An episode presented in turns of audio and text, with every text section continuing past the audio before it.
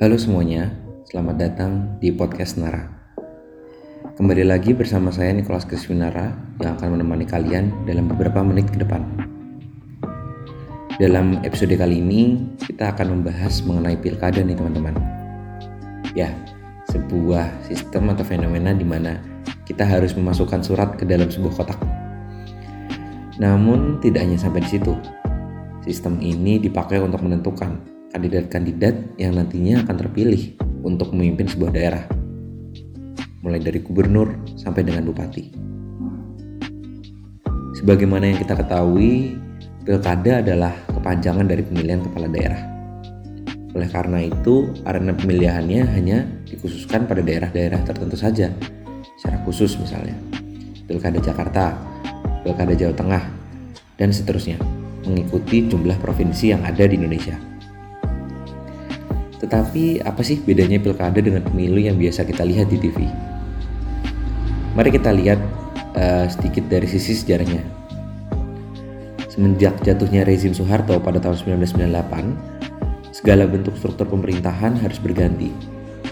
Hal itu juga didorong oleh semangat demokratisasi yang telah digaungkan oleh kawan-kawan mahasiswa bersama dengan rakyat. Tujuan dari demokratisasi ini adalah pembukaan selebar-lebarnya pada partisipasi, partisipasi politik. Oleh karena pembungkaman suara rakyat yang terjadi dalam rezim otoriter yang dipimpin oleh Soeharto. Secara reaktif, kehadiran gagasan demokratisasi ini juga secara tidak langsung membuka peluang untuk terjadinya desentralisasi nih teman-teman. Dengan tujuan untuk membiasakan masyarakat memilih wakilnya di pemerintahan dan oleh karena itu mengetahui bagaimana hubungannya dengan pemimpin yang dipilih. Hal itu juga termasuk dalam suatu uh, fenomena yang kita sebut sebagai politik representasi. Nah, dari situ juga kemudian pilkada menjadi sebuah rutinitas lima tahunan yang menghiasi kehidupan masyarakat Indonesia. Setidaknya selama 16 tahun pilkada ini berjalan, Indonesia mencoba untuk memvariasikan metode dan waktu pemilihannya. Misalnya, mulai semenjak 2015, pilkada serentak dicoba agar dapat mengimbangi pelaksanaan setiap daerahnya dengan lebih mudah terutama untuk KPU atau yang kita yang kita kenal dengan Komisi Pemilihan Umum. Kemudahan itu tidak semata-mata hanya pada efisiensi saja, namun juga menghindarkan praktik kandidat pilkada yang menggunakan kekuasaan dan sumber dayanya dalam memanipulasi kekuasaan, jumlah kursi, dan berbagai hal yang berkaitan dengan kepentingannya masuk dalam struktur pemerintahan. Namun, walau masyarakat sering kali berhadapan dengan situasi seperti ini, mereka tetap senang saja dengan berjalannya pilkada setiap periode. Misalnya, pada tahun 2014, LSI atau Lembaga Survei Indonesia telah memaparkan bahwa 84% responden masyarakat menyatakan bahwa mereka lebih menyukai pemilihan secara langsung daripada tidak langsung dalam pilkada. Dan itu mencegah terjadinya pemilihan uh, melalui legislasi daerah dan juga terjadinya malpraktik atau kepentingan-kepentingan tertentu yang tidak uh, sejalan dengan uh, kepentingan bersama. Berdasarkan beberapa hal yang kita bahas tadi, setidaknya sudah memiliki kita sudah memiliki gambaran ya teman-teman tentang pilkada ini. Nah, tapi bagaimana sih pelaksanaannya di Indonesia secara langsung? Dalam podcast ini mungkin uh, saya akan mengambil dua studi kasus yang terjadi uh, terutama di uh, DKI Jakarta dan kota Depok yang sebagai salah satu acuan dalam pengamatan kota metropolitan Indonesia. Setidaknya terjadi beberapa kemiripan di antara kedua daerah tersebut yang dapat kita identifikasikan.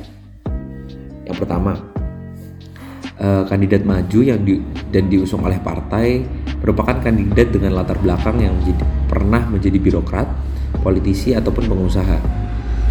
Hal itu dikarenakan uh, ketika kita maju di pilkada, tidak serta-merta didukung langsung oleh kekuatan partai politik saja, melainkan juga uh, mengenai aspek-aspek lainnya seperti wibawa pemimpin dan uang yang dimiliki kandidat dalam mempersiapkan kampanyenya.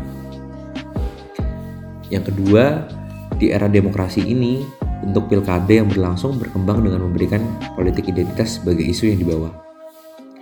Hal tersebut guna untuk menjatuhkan lawan kandidat dengan menggunakan isu sara atau yang kita kenal dengan suku ras dan agama.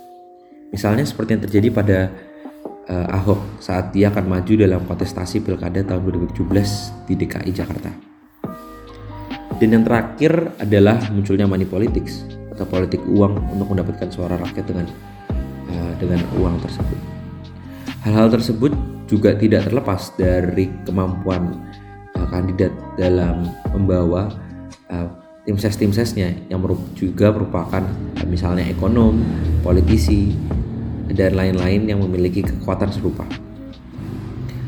Walaupun ini, uh, beberapa identifikasi tersebut sudah berjalan selama masa pilkada berlangsung, namun untuk dapat membangun kembali sistem yang baik tidak dapat dengan mudah, apalagi dengan jumlah daerah yang sangat banyak. Oleh karena itu, partisipasi politik di sini didorong tidak hanya sampai dengan pemilihan pemimpin daerah saja, tapi bagaimana masyarakat ikut dalam monitoring pada sistem juga. Nah, selain identifikasi dan penjelasan tadi juga, ternyata ada sisi lainnya juga nih dari teman-teman yang menjadi evaluasi atas terciptanya pemerintahan lokal tersebut dan pemerintahan lokal yang terjadi atas pilkada ini.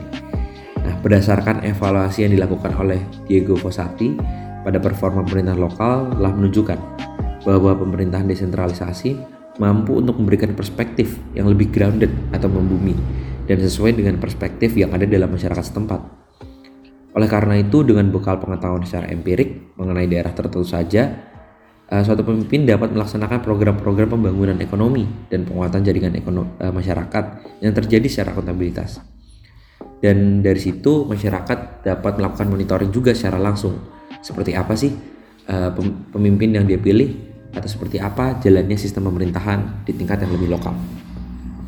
Sehingga di sini aplikasi desentralisasi kekuasaan penting juga dalam membangun network governance misalnya, di mana setiap entitas dapat dilibatkan dalam uh, misalnya di pemerintahan terkecil, daerah sampai dengan negara untuk mengambil suatu keputusan-keputusan yang lebih besar atau keputusan-keputusan ekonomi, keputusan sosial, politik dan lainnya. Untuk itu jaringan-jaringan dan penguatan adanya komunikasi tersebut guna untuk menjalin adanya semangat demokratisasi yang sempat kita bahas di awal dan desentralisasi yang menjadi uh, semangat atas munculnya uh, demokratisasi tadi. Nah, mungkin sampai di situ saja podcast hari ini. Semoga teman-teman dapat banyak manfaat dari yang sudah dijelaskan sebelumnya. Saya Nicholas Krisminara, pamit undur diri.